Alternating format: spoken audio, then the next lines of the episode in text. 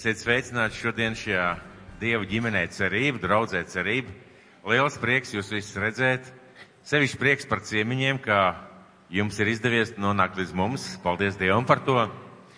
Un uh, sveicinu, priecājos, protams, arī par ikvienu draudzes locekli.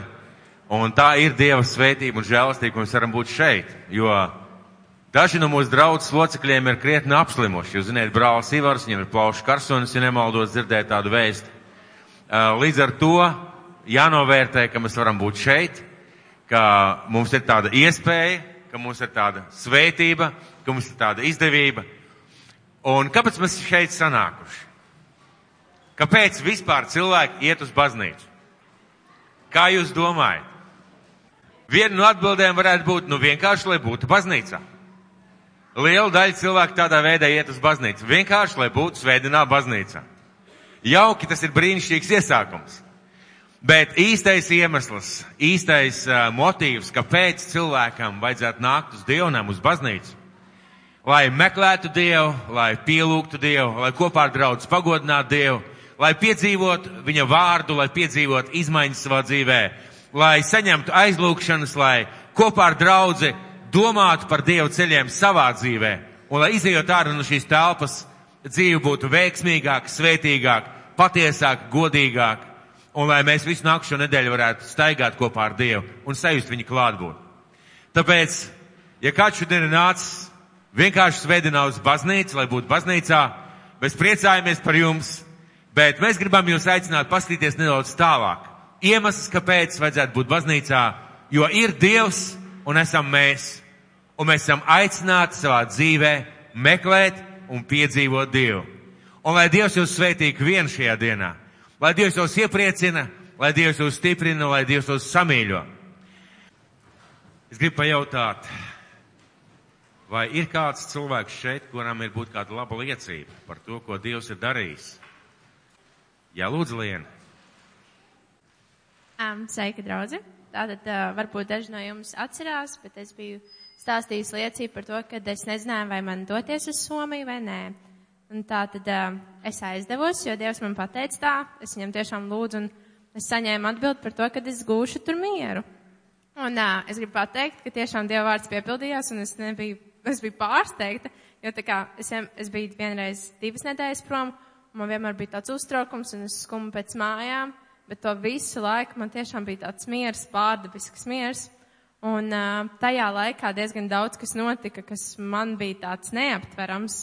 Un uh, es visu nevarētu jums pastāstīt, bet tā, lai jūs saprastu, ka Dievs tiešām rūpējās, bija divas reizes, kad tas bija tāds, nu, es biju kopā ar vienu meiteni, viņa nekristiet, viņa tiešām, um, viņai nepatīk iet uz draudzi, varbūt daži iemesli dēļ viņa īsti nepastāstīja, bet viņa ir kaut kādā veidā sāpināta. Viņai arī tēvs nomira pirms gada kaut kur apmēram, tāpēc viņai bijis diezgan smags laiks. Bet es ticu, ka Dievs darbosies caur mani uz viņu. Un uh, tajā laikā tas bija tā interesanti, piemēram, vienu dienu, nu, jums varbūt liksies smieklīgi, bet mums, nu, nebija ko ēst, un mēs domājam, pasūtīsim pīcu. Bet uh, mums, nu, līdzekļus mēs, nu, mēs saņēmām naudu, bet mēs vēlējāmies citur kaut kur to naudu iztērēt tā kā mums ir citi plāni un krāt vēlamies. Un uh, to pici ir ļoti dārgi pasūtīt, jo mēs dzīvojam tālu no pilsētas un transports brīvdienās negaida, tāpēc mēs pat nevarējām normālu ēdienu nopirkt, jo viesmājā uh, nu, nebija ēdiens, tikai tas, ko tu nopērci. Mums tajā laikā bija beidzies tas ēdiens. Un mēs domājam, ko nu darīt, vai nu, nezinu, nē, es neko, vai arī, nu, tērēt to naudiņu un diezgan dārgi maksāja. Un uh, tā bija svētdiena, un tieši bija tā kā es gribēju skatīties tiešraidi, jo es katru svētdienu skatījos tiešraidi, jo es netiku ārā no mājas, jo transporta nebija. Un, uh, un es domāju, kas, nu, ko darīt? Un vienkārši tieši pa durvīm ienāca saimniece piesamājas ar picu. un mēs tā, wow, Dievs ir diezgan pārsteidzošs. Un otrs bija tas, kad uh, mums katru dienu darbs bija, un uh, nu, ēdienas Somijā ļoti dārgi maksā, un um, mēs tā kā nezinājām, ko darīt, nu, laikam nāksies to pašām pirkt, taisīt ēst līdzi.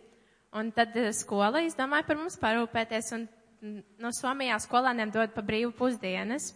Un tā visu laiku bija, līdz vienai nedēļai viņam bija brīvlaiks, bet mēs jau skaitāmies kā strādnieki no ārzemēm, un tad mums bija jāizdomā, ko citu darīt. Un tad tajā dienā, pirmdienā, mēs ejam mājās, un, un tā kā, es nezinu, Dievs tiešām gribēja visu laiku, lai man tas miers saglabājās, jo uzreiz nemiers ir, ko mēs ēdīsim, ko mēs taisīsim. Mēs esam pieraduši, ka mums ir tas pusdienu laiks. Un mēs atveram savas, nu, viesu mājās saimnieki, es nezinu, varbūt ir bijuši citi viesu mājās, kuram saimnieks gan tā rūpētos par jums. Viņiem tas ir, lai tu viņiem maksā un guli tur un dzīvo. Mēs atvērām savas uh, istabas durvis un tur stāv tiešām liels maiss pilns ar ēdienu, pilns un naudiņa vēl uzlikt. Un vienkārši saimniec mums sētī. Un tādā ziņā tas bija tāds tiešām brīnums. Paldies! Jūs zināt, ka mūsu Dievs, grib, mūsu Dievs mīl pārsteigt cilvēkus. Viņam nevis vienkārši patīk, bet viņš tiešām mīl. Un uh, viņš tiešām to ir daudzkārt, daudzkārt darījis gan mūsu dzīvēs, gan citu cilvēku dzīvēs. Varbūt ir vēl kāda liecība, kas būtu par stiprinājumu draudzē cilvēkiem, par iedrošinājumu droši. Pirms es sāku sludināt un dalīšos ar vārdu. Es gribu jums katram personīgi pajautāt un gribu jūs aicināt padomāt. Vai ir jūsu dzīvē bijis kāds tāds piedzīvojums, notikums, kas ir iespaidojis jūsu dzīvi un kļūst par daļu no jūsu dzīves? Ir kāds tāds notikums? Tāds spilgts notikums, kas ir iespaidojis, kļūst par daļu no jūsu dzīves un uh, laiku pa laikam jūs pie tā atgriežaties un tas kaut kādā veidā ir noteicis, kā jūs dzīvojat. Vai ir kāds cilvēks, kam ir bijis tāds notikums, droši var pacelt roku? Ir bijis kāds cilvēks? Noteikti ir bijuši, jā, es redzu, ka daudz šeit rokas. Kāpēc es par to gribēju jums pajautāt?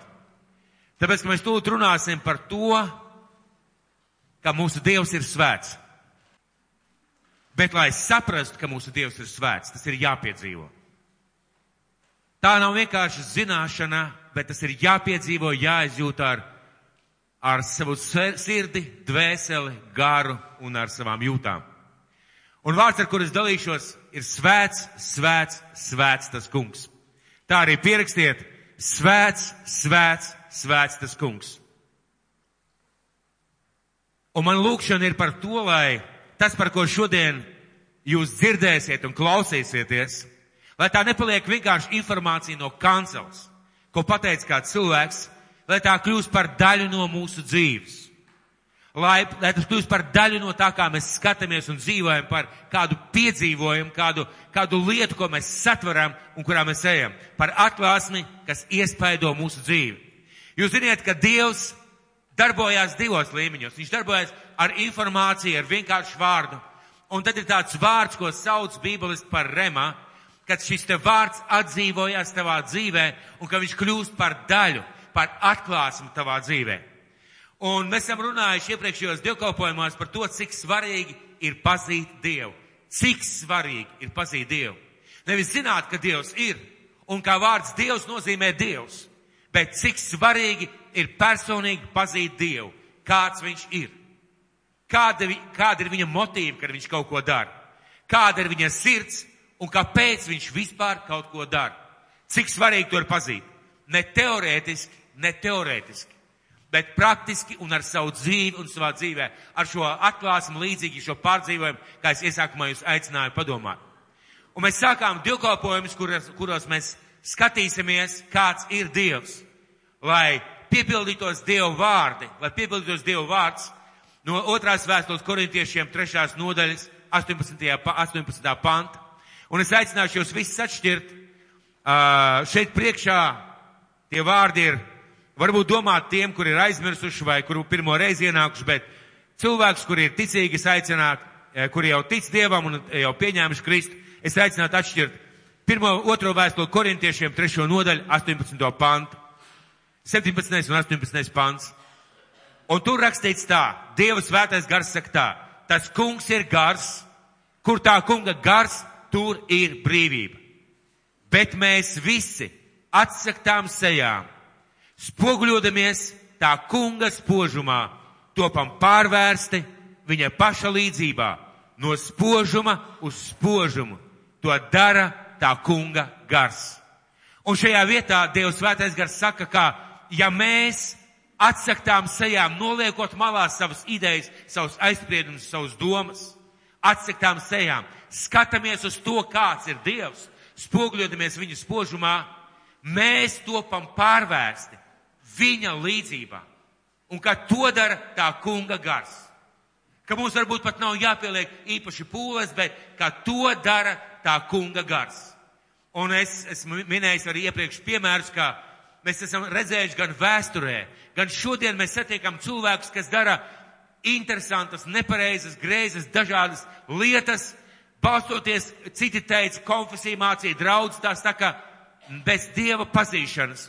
Un reizēm cilvēks pat degot par Dievu, pārliecībā par Dievu, kalpojot Dievam, kalpo pret Dieva gribu. Rīkojās, runā, māca pret to, kā Dievs būtu vēlējies. Un viss sākās ar Dieva personīgu pazīšanu. Nevis vienkārši ar pazīšanu, bet ar to pazīšanu, kāds viņš ir. Un šodien es gribētu iedziļināties atklāsmē, ka mūsu, ka mūsu Dievs, mūsu Tēvs, mūsu Kungs, mūsu glābējs, mūsu radītājs ir svēts Dievs. Es gribēju šodien dalīties ar atklāsmu ar jums, ko Dievs ir atklājis, ka viņš ir svēts Dievs. Ne tikai Dievs, bet ka viņš ir svēts Dievs. Mēs ar jums piedaram svētam Dievam. Mēs kalpojam svētam Dievam.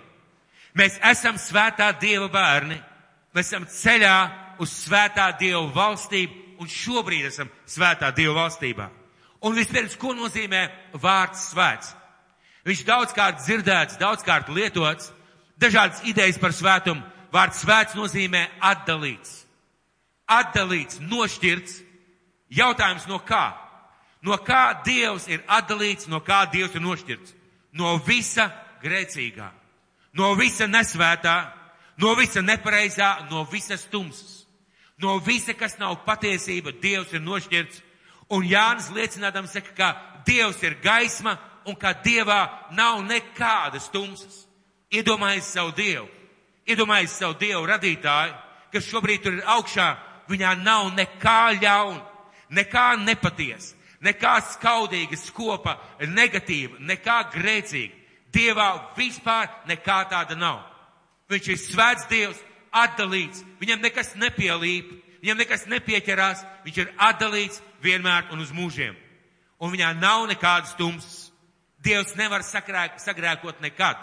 Nekad viņš nerīkosies grēcīgā veidā vai nepreizā veidā. Nekad viņš nedarīs neko tādu, ko varētu teikt, tas ir grēks un Dievs ir grēkojis.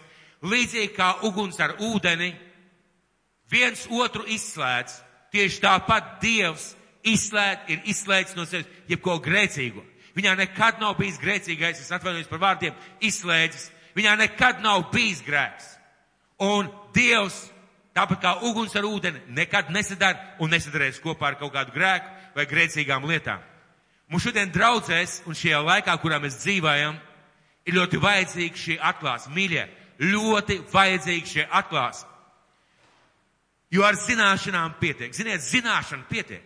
Šodien cilvēkiem ir vairāk zināšanu nekā jebkād agrāk. Jūs ziniet, ka šodien jūs varat nopirkt ne tikai, ne tikai dzirdēt apustuļu vārdus, Jūs varat nopirkt apstuļu vārdus dažādās valodās, dažādos tulkojumos, ar komentāriem. Šodien ir kristīgais radio, televīzija, internets. Zināšanu ir pa pilnām un vairāk nekā vajag.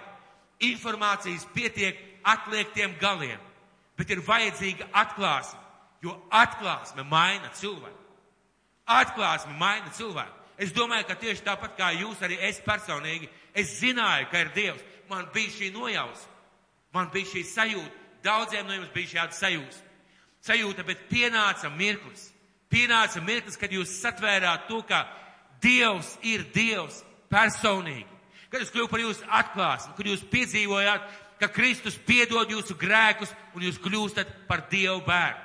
Un tā nebija vienkārši savs informācija. Jo informācija var skanēt vienu dienu, trīs, divas, trīs un daudz un ilgi.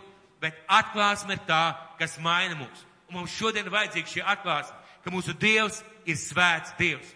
Kas ir atklāsme? Kas ir atklāsme? Vai tas, ko es zinu? Daudz cilvēku saka tā, o, oh, es uzzināju jaunu informāciju, man ir atklāsme tagad par to un par to. Nē, mīļie, atklāsme nav informācija, kur tu zini.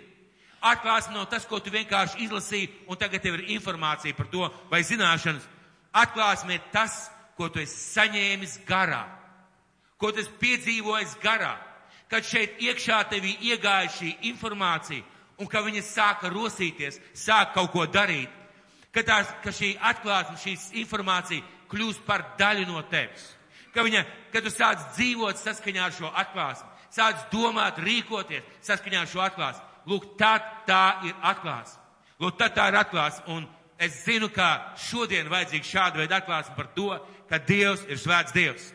Un es gribu jūs vest, es gribu jūs vest uz iesaist grāmatas sastās nodaļas no pirmā līdz devītajam pantām. Iesaist grāmatas sastā nodaļa no pirmā līdz devītajam pantam. Lūdzu, atšķiriet savās bībelēs. Iesaist grāmata sastā nodaļa no pirmā līdz devītajam pantam.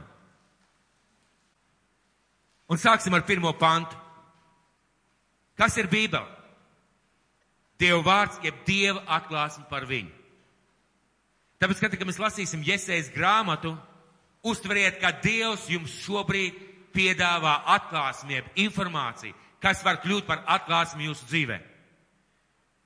Un pirmais pants saka tā, tanī gadā, kad nomira ķēniņš uzsija.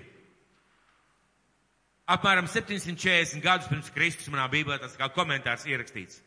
Es redzēju to visu varano kungu, sēžam uz augsta lepna troņa, un viņa troņu apmaļu šuves piepildīja svētību, svētnīcu.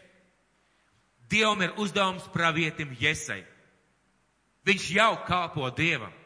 Viņš jau tic Dievam, viņš jau pravieto savai tautai. Uh, bet Dievam ir uzdevums kaut kāds dziļāks, vairāk, spēcīgāk uzdevums priekš visas viņas turpmākās dzīves. Un lai viņš varētu iet un piepildīt šo uzdevumu, lai sludinātu Dievu taisnību, Dievu gribu, Dievu svētumu cilvēkiem, kas negribēja dzirdēt. Kuriem bija saprašana, ka Dievs ir, bet viņi negribēja dzirdēt, ka Dievs ir svēts. Viņi negribēja klausīties, kā, kā Dievam ir jāklaus. Viņi negribēja iet Dieva ceļus. Viņi bija gatavi būt draudzē, gatavi dzirdēt aleluja dziesmas, bet negribēja darīt to, ko Dievs vēlās, lai viņi dara. Un šim Dievam ir uzdevums priekš šī pravieša. Un uh, tieši tāpat kā mums mīļā ar jums šodien, mums ir uzdevums sludināt evaņģēliju. Mums ir uzdevums nest Dieva piedošanas, Dieva mīlestības, Dieva žēlstības, Dieva taisnības un Dieva svētuma evaņģēliju. Mums ir uzdevums. Bet kā tu nesīsi to, kā tev nav? Kā tu iedos cilvēkiem to, ar ko tu pats nedzīvo? Kā tu iedos cilvēkiem ar to, kas, eh, kas nav daļa no tevis? Un Dieva valstībā ir tāds princips, kas man ir, to es dodu. Kas man ir, to es dodu. Es nevaru cilvēkiem iedot to, kā man nav. Es varu iedot to, tikai to cilvēkiem, kas man ir. Un lai būtu šī iespēja dot cilvēkiem šo atklāsmu, ir pašam jāsaņem, jāpiedzīvo, un Dievs ved pravieti Jeseju uz šādu atklāsmu. Un tikai tas, ko mēs esam satvēruši un piedzīvojuši, tā ir tā daļa no mums, ar ko mēs varam dalīties. Tās atklāsmes, kas kļūšas par daļu no mums, tās veido mūsu dzīvi. Tās nosaka mūsu dzīvi. Un kā jau es teicu, iesēju pravietoja arī pirms tam. Bet, lai viņš tiktu vēsts daudz dziļāk, lai, saskaņ, lai viņa dzīve un vārds un tas, ko viņš runātu, būtu saskaņot ar Dievu gribu, ar Dievu pazīšanu viņa dzīvē, viņam vajadzēja daudz vairāk. Un uh, viņam vajadzēja, vajadzēja kalpot daudz grūtākos apstākļos. Viņam bija vajadzīga šī atklāsme. Kāpēc lieku to uzsvaru? Jūs ieraudzīsiet, ka pravietis pat brūdams jau pravietis. Viņam nebija šīs dziļās atklāsmes par Dievu svētumu. Un tieši tāpēc Dievs, tieši tāpēc nevis viņš pats ieraudzīja, nevis viņam pašam izdevās, bet Dievs viņam atklāja šo atklāsmi un parāda to, ko viņš ieraudzīja. Viņam vajadzīga šī atklāsme. Un mēs bieži runājam par citu cilvēku piedzīvojumu. Esat pamanījuši? Mēs lasām grāmatas par citu cilvēku atklāsmēm un piedzīvojumiem. Mēs klausāmies kristīgajā rādio, kā Dievs dziedināja, kā Dievs atbrīvoja, kā Dievs izved, kā Dievs sakārtoja. Mēs pārstāstam reizēm viens otram savu atklāsmi, citu cilvēku atklāsmes, tas ir labi un tas ir brīnišķīgi. Bet lai šī atklāsme kļūtu par daļu no mūsu dzīves, par daļu no mūsu būtības, mums vajag piedzīvot pašiem šīs lietas. Un tad tas ir tavējais. Un tad tā ir tava atklāsme, pēc kuras tu dzīvo. Un tāpēc es gribētu pievērst uzmanību kādam vienam vārdam šajā pirmajā pantā. Un lasīšu viņu vēlreiz. Tad gadā, kad nomira ķēniņš Usija, es redzēju to visvarano kungu sēžam uz augsta lepna troņa, un viņa troņa apmaļu šuves piepildīja svētību. Pravietis saka, es redzēju. Pravietis saka, es redzēju to kungu. Es viņu redzēju. Tā kļuva par daļu no viņa dzīves, par daļu no viņa pārliecības. Un, ziniet, mums ar jums būtu jāspēj pateikt par daudzām lietām savā dzīvē. Es piedzīvoju, es sapratu, es saņēmu, es sajūtu, es esmu tajā iekšā. Un šodien es gribētu lūgt Dievu, lai Dievs šo atliesmu ieliek mūsu dzīvē. Lai Dievs šo atklāsmu ieliek mūsu dzīvē tā, ka arī mēs varam pateikt, es satvēru, ka Dievs ir svēts. Es piedzīvoju, ka Dievs ir svēts. Ka mans Dievs, ka mans Dievs, tas Dievs, kā priekšā es stāvu, tas Dievs, kā, kā priekšā es staigāju, tā Dievs, tā die, tas Dievs, kura vārdu es atšķiru, tas Dievs, kurā, pie kuras vēršos savā lūkšanā, ir svēts Dievs. Mums vajadzīgs šī atklāts. Un ko Dievs ar iesaist acīm mums atklāja, es gribētu runāt par to, ka iesim it kā jesēm blakus. Pamēģināsim būt kopā ar viņu, kad viņš redzēja šo atklāsmu un izdzīvot to, ko jesē redzēja. Jo kāpēc? Dievs parūpējas par to, ka tas ir uzrakstīts. Lai mēs ar jums, lai mēs ar jums lasītu, lai mēs ar jums izdzīvot to pašu, lai mums, mēs ar jums ieraudzītu un piedzīvot tās lietas, kas nāk no šīs te atklāsmes. Būsim it kā blakus. Un ko viņš ieraudzīja? No 1 līdz 4 pantam lasīšu vēlreiz. Tanī gadā, kad nomira ķēniņš uzsija, es redzēju to visu varano kungu, sēžam uz augsta lepna troņa, un viņa troņa apmaļu šuves piepildīja svētnīcu. Serafi lidinājās pār viņu. Te bija katram seši spārni ar diviem serafi, apsedz savu vaigu, ar diviem savas kājas, ar diviem viņi lidoja tie nemitīgi sauc, cits aiz cita šos vārdus. Svēts, svēts, svēts ir tas kungs Cebauts. Visa zeme ir pilna viņa godības. Sliekšņu pamati trīcēja no sauciena skaņām, un nams pildījās ar dūmiem. Iedomājies sevi stāvam blakus Iesajai, un es domāju, ka Dievs tā būtu gribējis. Iedomājies, ka tu redz to visu varano kungu un tev nav jāstāst, kas viņš ir. Iesēm bija skaidra saprašana un pārliecība, kas tas ir, ko viņš redz. Mēs no teksta saprotam, ka viņš ir svētnīcā, ka viņš ir atnācis Dievu pielūgt un Dievam kalpot. Un pēkšņi ir kaut kāds mirklis, kaut kāds klikšķis, kad Dievs izvē, izvēlās atvērt garīgo pasauli.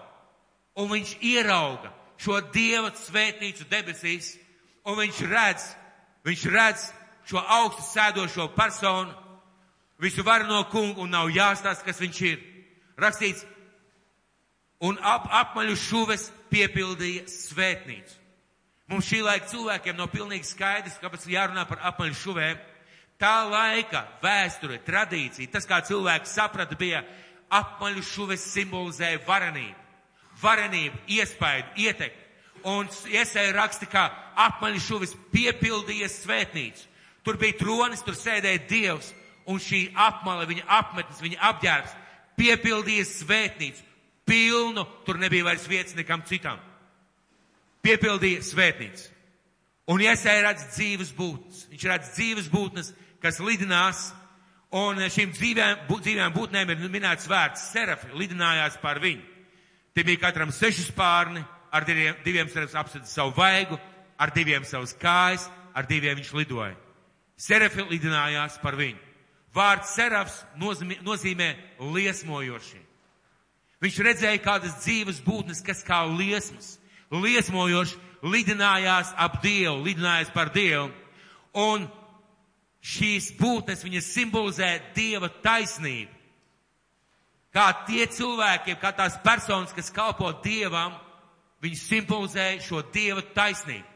Un kāpēc Jesai, manuprāt, varēja redzēt šos, šos, šīs, šos dzīvniekus, jeb šos, šos, šīs radības, kas lidoja? Vai jums kādreiz ir gadījies redzēt, ka jūs iemetat ugunskurā, ir vienkārši ugunskurs? Un tad jūs iedegat, iemet kādu zariņu, tas zariņš deg un iekšā izdalās atsevišķa liesma. Esat pamanījuši, ievērojuši? Ir vienkārši liela liesma, kas deg. Un tad iekšā kāds zariņš, un uz šī zariņa fona jūs redzat kādu īpašu liesmu. Un es saprotu, ka tur bija tāds dieva svētums, tāda dieva uguns, tāda dieva klātbūtne, ka uz šiem serafiem vienkārši kā uz šiem degošiem maziem zariņiem atspoguļojās, ka viņi dzīvoja šajās dieva svētuma liesmās. Un ko viņi saka? Viņi saka, svēts, svēts, svēts, svēts. Viņi stāvēja troni un vadīja debesu pielūgs.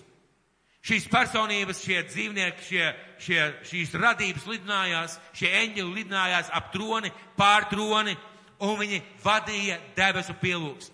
Lūk, kāpēc mēs sakam cilvēkiem draudzēs, mīļie, kad mēs sanākam kopā uz dievkalpojumu, dziedāsim mūsu Dievam pagodināsim Dievu, jo tas tāds piemērs, jeb laba lieta, ko mēs redzam, ko, kas notiek debesīs. Un bieži mēs runājam par šīm būtnēm, ko nozīmē spārni. Kāpēc seši spārni? Kāpēc rokas? Kāpēc kājas?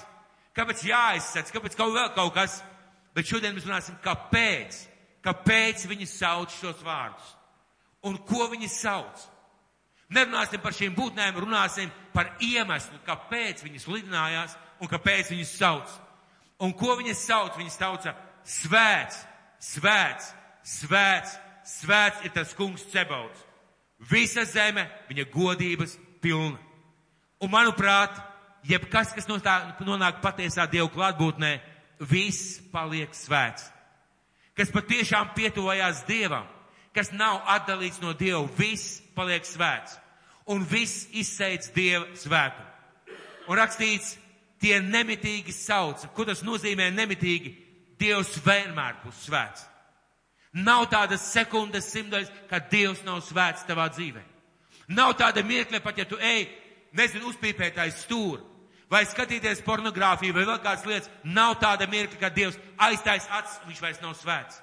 Viņš ir svēts. Viņš bija svēts. Viņš būs svēts. Un mums ir jāsaprot, ka Dievs svēts vienmēr, un šīs būtnes nemitīgi sauc. Tas bija tik stipri un tik patiesi, ka sliekšņu pamati trīcēja no saucienu skaņām. Sliekšņu pamati trīcēja. Iedomājies, ka Dievs ar šiem šo sliekšņu pamatu trīcēšanu, viņš mēģina pateikt to varenības sajūtu. Šīs saucienu, šīs Dieva klātbūtnes, varenības sajūta, ka šie sliekšņi pamatu trīcēja un nams pildījās ar dūmiem. Un nams pildījās ar dūmiem. Tas bija tik stipri un tik patiesi, kā mums ar jums mīļai vajadzētu pielūgt un pateikties Dievam. Tāpēc, ja jūs kādu redzat, kurš pilnā balsī dzied, slavē, nokrīt uz savu vaigu, lai pielūgtu Dievu, paceļ rokas, aplaudē, vienkārši priecājieties kopā ar viņu. Ļoti iespējams tas cilvēks piedzīvo šo mirkli, kad viņš ir Dieva klātbūtnē un pazūd sienas, pazūd griezti, pazūd jebkas, kas varētu atturēt no patiesas Dieva pielūgsmes. Un, mīļie, mums vajadzētu tā iemācīties pielūgt Dievu, kā tas notika šajā templī, šajā svētnīcā. Un Jeseja ieraudzīja vēl kaut ko. Jeseja ieraudzīja vēl kaut ko.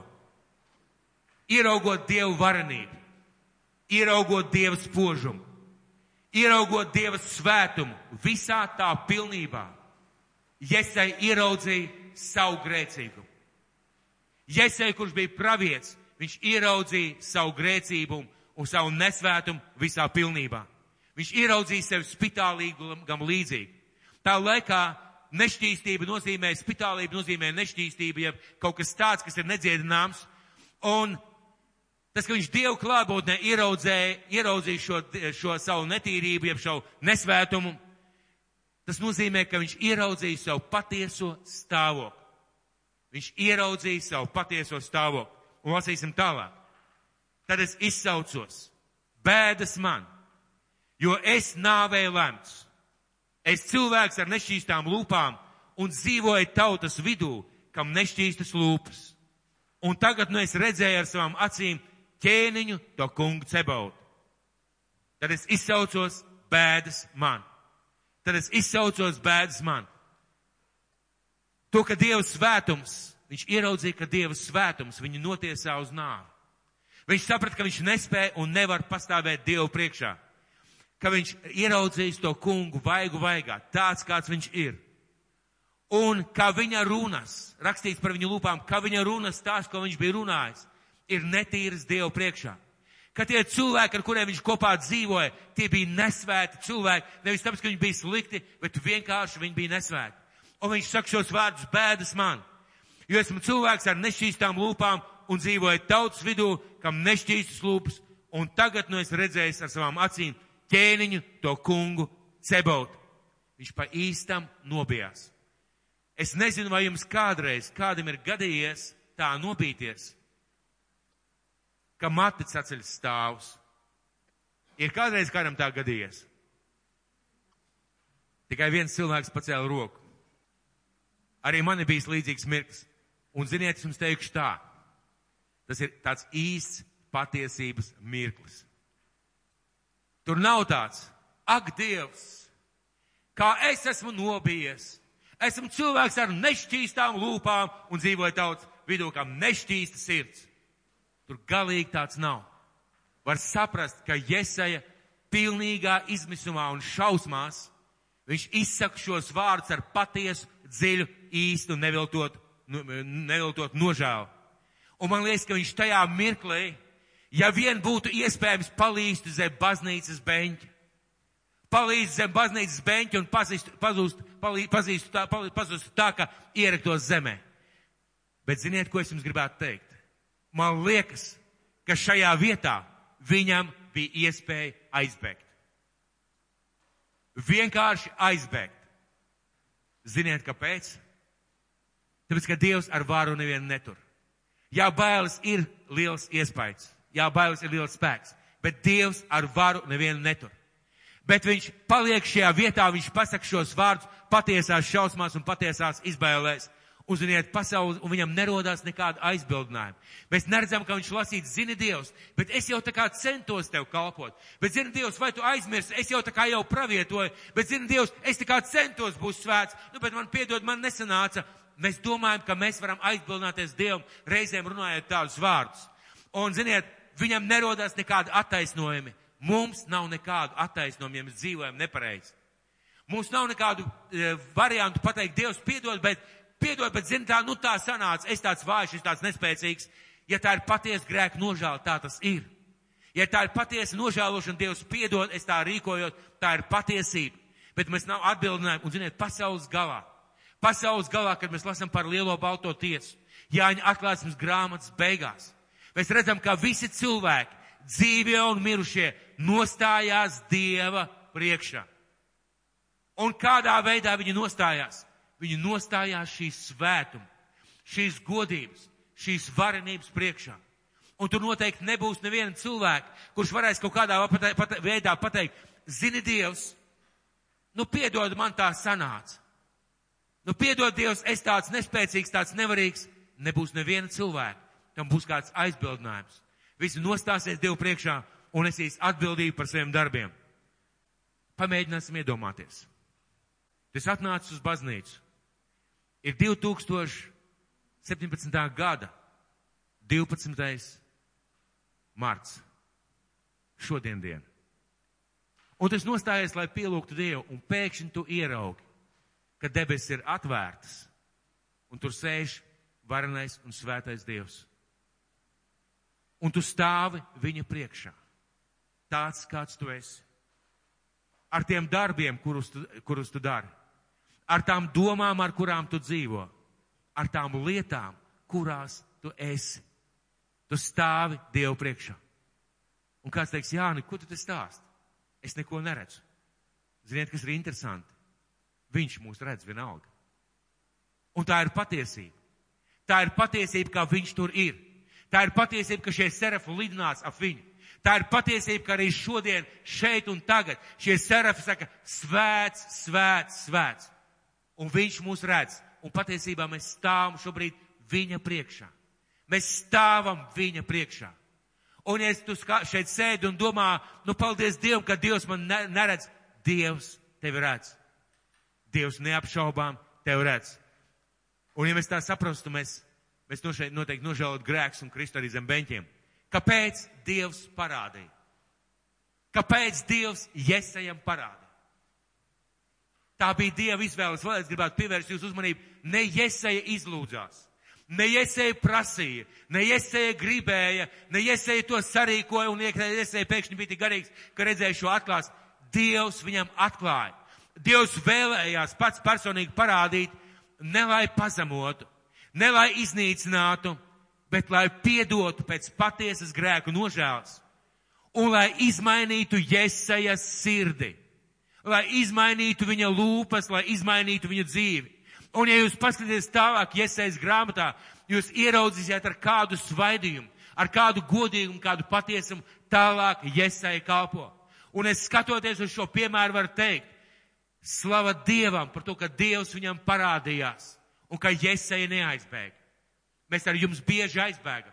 Ziniet, kas ir, tā kā mums kādreiz Dievvvārds uzrunā par kādām nesvētām lietām, mēs it kā aizbēgam, mēs, mēs aizbildamies, mēs ieliekam savā prātā kādu barjeru, pasakam varbūt ar saviem vārdiem, varbūt minam kādu piemēru pašu priekš sevis vai kādu iemeslu, kāpēc mēs nevaram būt svēti vai nevaram pareizi rīkoties. Mēs minam šos iemērus, iemeslus, mēs it kā aizbēgam. Jesē neaizbēga. Un kad Jesē neaizbēga, viņš piedzīvoja šo atklāsmi, bija pavisam cits cilvēks. Un lasīsim tālāk. Sestais pants. Varbūt sāksim ar piekto. Tad es izsaucos bēdas man, jo esmu nāvē lemts, esmu cilvēks ar nešķīstām lūpām un dzīvoju tautas vidū, kam nešķīstas lūpas, un tagad nu es redzēju ar savām acīm ķēniņu to kungu cebautu. Tad pildoja man viens serafs, kam bija rokā kvēlojoša ogle, ko viņš ar lūkšām bija paņēmis no altāra. Ar to viņš aizskāra manu muti un teica, redz, tā ir aizskarot tavas lūpas, tavs noziegums ir daldēts, un tavu grēki tev piedoti. Kas ir šī ogle un šis altārs? Tas ir Dieva dusmas un Jēzus Kristus upuris. Tās ir Dieva dusmas, kas tika izlieta par viņa dēlu Jēzu Kristu. Tās ir Dieva dusmas, kas iznīcina visu nesvēto un visu nepareizo un visu šīs lietas, kas nav Dievam pieņemams. Un viņš uzkrāva visas savas dusmas savam dēlam Jēzum Kristum. Un šī ogla un šis altārs simbolizē Dieva dusmas un Jēzus Kristus piedošanu. Dieva dusmas un Jēzus Kristus piedošanu. Un tikai tad, pēc šīs tikšanās, sākās tā daļa viņa dzīvē, Tikai tagad šis vīrs ir gatavs pa īstam kalpot. Tikai tad šis vīrs ir gatavs pa īstam kalpot. Mums, mīļā, vajadzīga šī tikšanās. Šī tikšanās ar šī atklāsme. Šī tikšanās ar svēto patieso Dievu. Tā noteikti palīdzētu mums ieraudzīt, cik reizēm greizi mēs esam. Un godīgi pateikt sev un Dievam, mēs greizi esam. Tas noteikti izmainītu mūsu sirdi un tas noteikti izmainītu mūsu dzīvi. Kāpēc vēl tik svarīga ir šī atklāsme, piedzīvot šo atklāsmi, ka Dievs ir svēts? Ka satikt viņu svētumu, ieraudzīt viņu svētumu, kāpēc tas ir tik svarīgi? Lai ieraudzītu, ka svētais Dievs ir gatavs piedot. Lai ieraudzītu, ka svētais Dievs ir gatavs piedot katru grēku un katru pārkāpumu. Ja mēs nākam pie viņa un sakam, Dievs piedod. Dievs piedod. Un mēs zinām, ka Bībele saka, ka, ja mēs atzīstamies savos grēkos, tad Dievs ir uzticams un taisns. Viņš piedod mums mūsu pārkāpumus un šķīsti mūs no visas netaisnības. Tā ir jaunā derība. Un tas piepildās arī šajā vietā, kad Dievs pieskarās ar šo ogli ar, no šī altāra iesaist lūpām. Viņa noziegums ir daudēts, viņa lūpas ir šķīstas, viņš ir nomazgāts, Jēzus, Jēzus sasanīs, ja tā varētu teikt, un Dievs viņam ir piedevis. Un tagad ir iespēja, un tagad ir variants, ka tagad viņš var kalpot. Ka tagad viņš var kalpot. Un tā vairs nav, pie, nav kāda cilvēka, citu cilvēku piedzīvojums. Tas nav vairs lasīt informāciju. Viņš to ir saņēmis, un viņš to ir piedzīvojis. Viņš to ir saņēmis, un viņš to ir piedzīvojis. Un, uh, lai ieraudzītu vēl vienu iemeslu, lai ieraudzītu, ka mūsu grēki, kamēr viņi nav nožēlot, mūs šķir no Dieva. Vai Dievs nav visu laiku ar mums? Daudz cilvēku saka tā, jā, Dievs visu laiku ir ar mums, jā, Dievs ir visur esošs. Vienlaicīgi visās vietās. Jā, Dievs visur redz, Dievs visu skatās, Dievs visu pārlūko. Dievs ir vienlaicīgi ar mums visās lietās. Bet vai var mūs kaut kas šķirt no Dieva? Vai mūs kaut kas var šķirt no Dieva? Un es gribētu teikt tā, Dievs nekad nesavienojās ar grēku. Dievs nekad nesavienojās ar grēku. Un ja mēs kā Dievu bērni, ja mēs dzīvojam kādās nepreizās lietās, Dievs saka, atgriezies, atgriezies, atstāj šīs lietas, jo es nevaru būt savienots ar grēku. Un iesaist grāmatā, šis pats iesai tālāk, tālāk saka, 59. nodaļā, pirmais pants un līdz trešajam pantam. Šis pats iesai 59. nodaļā saka vārdus. Tai tautai, pie kā Dievs viņus sūtīja sludināt. Pirmais līdz trešais pants. Redz, Iesai saka viņiem, redzi, tā kunga roka nebūtu nav par īsu, lai tā nevarētu palīdzēt. Un viņa auss nav aizkritus, ka tā nevarētu dzirdēt. Bet jūsu pārkāpumi jūs attālina no jūsu dieva. Jūsu grēki apslēpj viņa vaigu no jums, ka viņš neklausās uz jums. Jo jūsu rokas ir aptraipīts ar asinīm, un jūsu pirksti ir pilni nozieguma, jūsu lūpas runā melus, un jūsu mēle pauž netaisnību.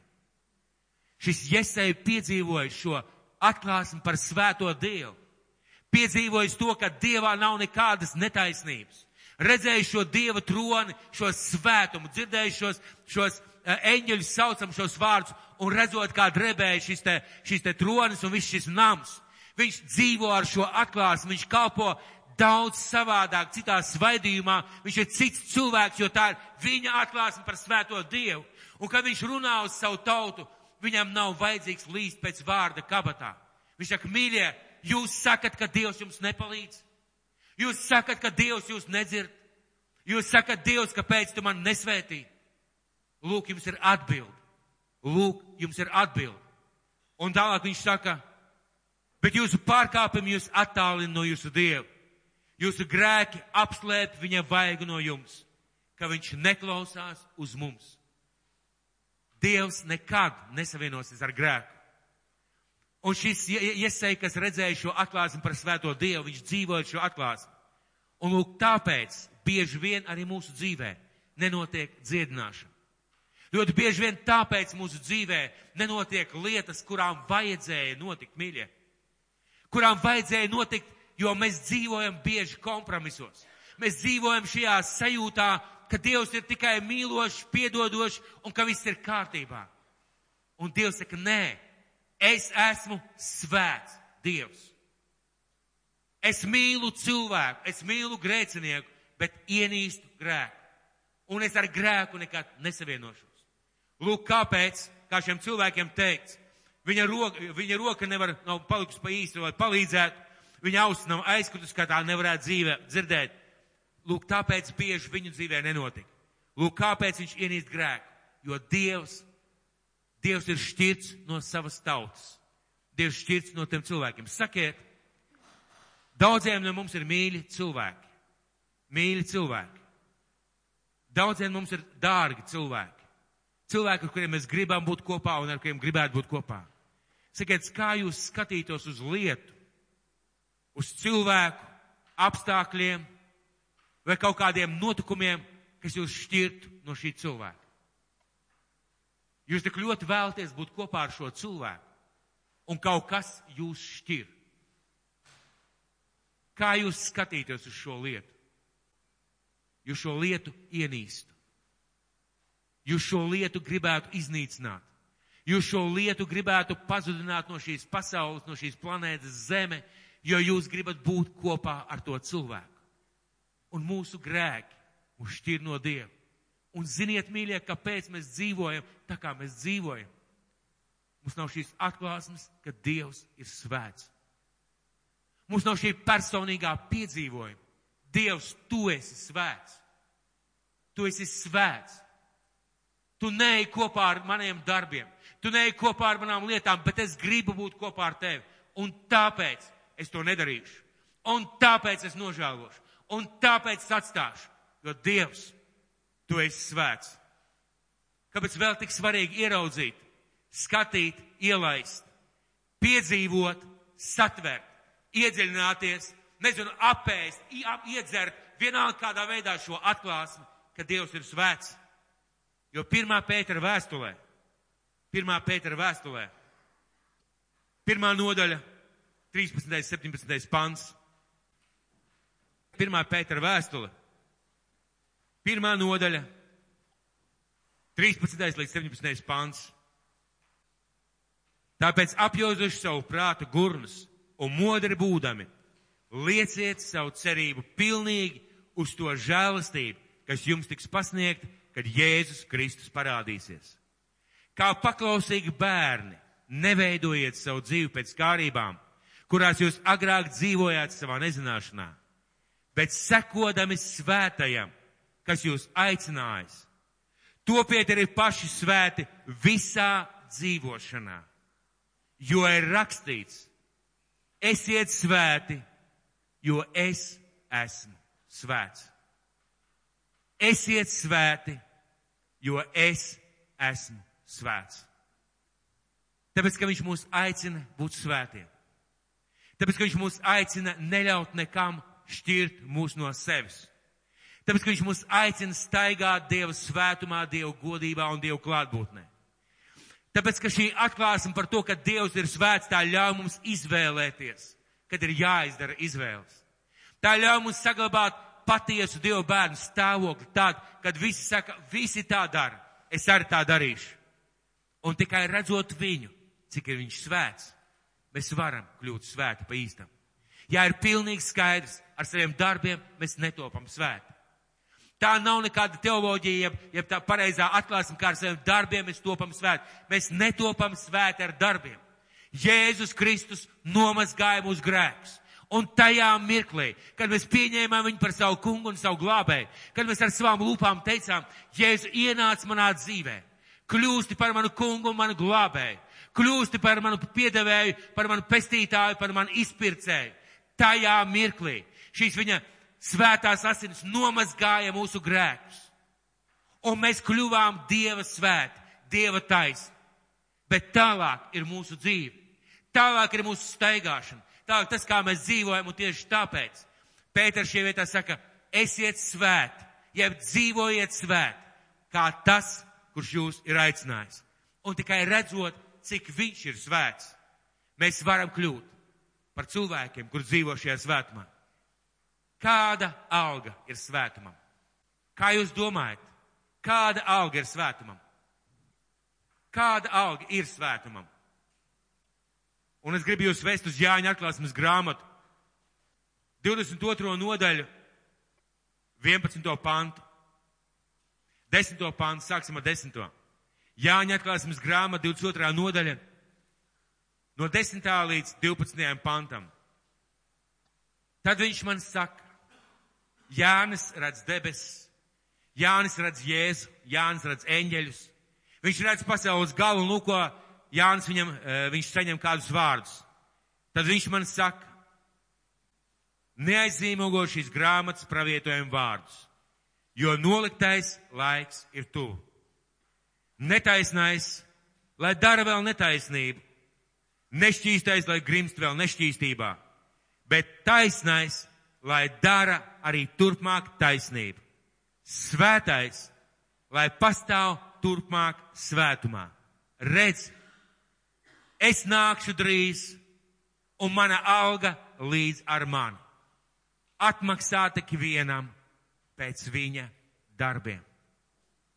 Atmaksāt ikvienam pēc viņa darbiem. Un tagad mēģināsim padomāt sevi divos stāvokļos. Pirmais stāvoklis, mēs esam bijuši par ticīgiem cilvēkiem, par Dievu bērniem. Ja mēs esam meklējuši Dievu, Un tad mēs esam sākuši dzīvot nepareizās lietās un nepareizās izvēlēs, nepareizos vārdos, spriedumos, domās, darbos. Un mēs aizbildam sev, zini, Dievs, nu tu saproti manu dzīves veidu, Nu, tu saproti manas apstākļus, manas stāvokli, manas domas. Tu zini, Dievs ieraug sevi tādā stāvoklī stāvam svētā Dieva priekšā. Bet ieraug sevi tādā stāvoklī, ka tu esi pēc katras izdarītas nepareizas lietas teicis, Dievs, piedod. Tev ir bijis žēl. Tu esi izdarījis izvēles negrēkot. Tu esi centies pēc svētuma. Tu esi cīnījies par to, lai atstātu grēkus, lai nedarītu nepareizās lietas. Un tu nostājies Dievu priekšā, un tad uz tevi attiecās šie vārdi, un svētais, lai arī turpmāk pastāv savā svētumā. Redz, es nāku drīz, un man alga līdz ar mani. Atmaksā tik vienam pēc viņa darbiem. Lai saņemtu šo algu, mums jāsatver viena lieta ka Dievs ir svēts. Lai saņemtu šo algu, mums jāstar viena lieta, ka Dievs ir svēts. Ka viņā nav nekādas tumsas. Ka viņā nav nekāda aizbildinājuma grēkam. Ka tiem, kas tuvojās viņam, viņiem vajag piedošanu. Viņiem vajag piedošanu un Jēzu Kristu. Un viņam vajag dzīties pēc svētas dzīves. Un nobeigt es gribētu ar Jāņa atklāsmes grāmatas ceturto nodaļu. No pirmā līdz astotajam pantam. Jāņa atklāsmes grāmata ceturtā nodaļa no pirmā līdz astotajam pantam. Un tas, ko mēs šeit lasām, priekš daudziem ir pasakas, un priekš daudziem ir tādi jocīgi, interesanti stāsti. Un arī šeit sēž cilvēki, kas patiesībā nedzird, ko es šobrīd saku. Bet Jāņa atklāsmes grāmatā ceturtajā nodaļā, sākot ar pirmo pantu. Pēc tam es redzēju un raugi. Durvis atvērtas debesīs. Un pirmā balss, ko es dzirdēju, kā bazūna ar mani runājam, sacīja, uzkāp šurp un es rādīšu tev, kam jānotiek turpmāk. Tūliņi tapu aizrauds garā un raugi, goda krēsls celts debesīs. Goda krēslā kāds sēdēja. Tas, kas sēdēja pēc skata līdzīgs dargakmeņiem, jaspīdam, sardajam, ap goda krēslu bija varavīksnes loks, kas izskatījās kā smaragds. Ap goda krēslu 24 krēsli. Krēslos sēdēja 24 vecai, apģērbti baltās drēbēs, viņiem galvās zelta vainagi. No goda krēsla nāk zibeņi, balsis, pērkoņi. Septiņas uguns lāpas dega goda krēslu priekšā, kas ir septiņi dieva gari. Goda krēslu priekšā kā stikla jūra, līdzīgi kristālam goda krēsla vidū un goda krēslam apkārt četras dzīves būtnes, pilnas acīm no priekšas un no muguras puses. Pirmā līdzīga lauvam, otra līdzīga vērsim, trešā kā cilvēka ģīmes, ceturtā līdzīga skrejošam ērglim un četras dzīves būtnes, kam katrai pa seši spārni, kas pilna ar acīm visapkārt un iekšpusē, bez mitēšanās, dienu un nakti sauc. Svēts svēts, svēts kungs Dievs, visu valdītājs, kas bija, kas ir un kas nāk. Mīļie, mums vajag atklāsmi par svēto Dievu. Un to mums vajag katram personīgi. Dziļi līdz sirds dziļumiem. Līdz pašiem sirds dziļumiem. Jo tas palīdzēs mums aiziet līdz galam. Tas izmainīs mūsu skatu uz daudzām lietām. Tas palīdzēs mums pieņemt lēmumus grūtos mirkļos un, un, un izšķirties reizēs, kad liekas, kā gribētos rīkoties vienkāršāk un tā kā visi. Tāpēc, mīļais, arī pajautāju pašā sākumā, vai jums ir kāda tāda atklāsme. Satveriet šo atklāsmi. Dievs ir svēts. Viņā nav nekādas tumsas. Un, kad tu dari kaut ko nepareizu, zini, Nevis vienkārši Dievam tas nepatīk, bet Dievs to nepieņem. Un Dievs tāds nav. Un Viņš mūs ikvienu aicina. Topiet svēti visā dzīvošanā. Bet bez atklāsmes, ka Dievs ir svēts, to nevar izdarīt.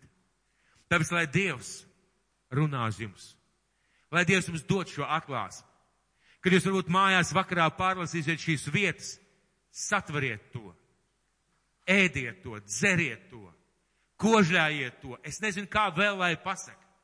Sāksim dzīvot tajā, ka Dievs ir svēts. Un esmu pārliecināts, ka, viens, ka ik viens cilvēks, ik viena cilvēka dzīve, kas pa īstam satver šo atklāsmi, ka Dievs ir svēts, viņš ir apbruņots, viņš kļūst imūns pret nepareizām lietām. Lai Dievs jūs svētī. Es gribētu aicināt jūs uz lūgšanu. Mūsu debes tēvs, mēs nākam, kungs, pie tevis.